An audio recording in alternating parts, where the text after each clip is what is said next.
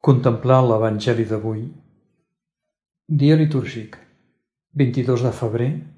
La càtedra de Sant Pere Apòstol. Text de l'Evangeli segons Sant Mateu. En aquell temps, Jesús va arribar a la regió de Cesarea de Felip i preguntava als seus deixebles «Qui diu la gent que és el fill de l'home?» Ells respongueren «Uns diuen que és Joan Baptista, d'altres Elies, d'altres Jeremies o algun dels profetes. Ell els pregunta, i vosaltres, qui dieu que sóc?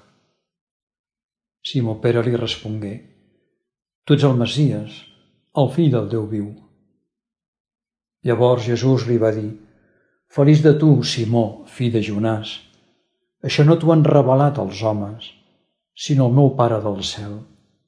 I jo et dic que tu ets Pere, i sobre aquesta pedra edificaré la meva església, i les forces del reialme de la mort no la podran dominar. Et donaré les claus del regne del cel. Tot allò que lliguis a la terra quedarà lligat al cel, i tot allò que deslligis a la terra quedarà deslligat al cel. Comentari de mossèn Antoni Carol Llustenc Sant Cugat del Vallès, Barcelona, Catalunya. Jo et dic que tu ets Pere, i sobre aquesta pedra edificaré la meva església.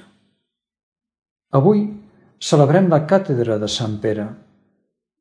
Des del segle IV, amb aquesta celebració es vol destacar el fet que, com un do de Jesucrist per a nosaltres, l'edifici de la seva església recolza sobre el príncep dels apòstols, el qual gaudeix d'un ajut diví peculiar per a tal missió. Així ho manifestà el Senyor a Cesarea de Felip. Jo et dic que tu ets Pere, i sobre aquesta pedra edificaré la meva església. En efecte, en paraules de Sant Lleó el Gran, és escollit només Pere per ser anteposat a la vocació de totes les nacions, a tots els apòstols i a tots els pares de l'Església. Des del seu inici, l'Església s'ha beneficiat del misteri patrí, de manera que Sant Pere i els seus successors han presidit la caritat, han estat font d'unitat i, molt especialment, han tingut la missió de confirmar en la veritat els seus germans. Jesús, un cop ressuscitat, confirmà aquesta missió a Simó Pere. Ell, que profundament penedit ja havia plorat la seva triple negació davant Jesús, ara fa una triple manifestació d'amor. Senyor, vos ho sabeu tot, vos sabeu que us estimo. Podem llegir a Sant Joan 21, 17. Aleshores, l'apòstol veia amb consol com Jesucrist no es va desdir d'ell i per tres vegades el confirmà en el ministeri que abans li havia estat anunciat.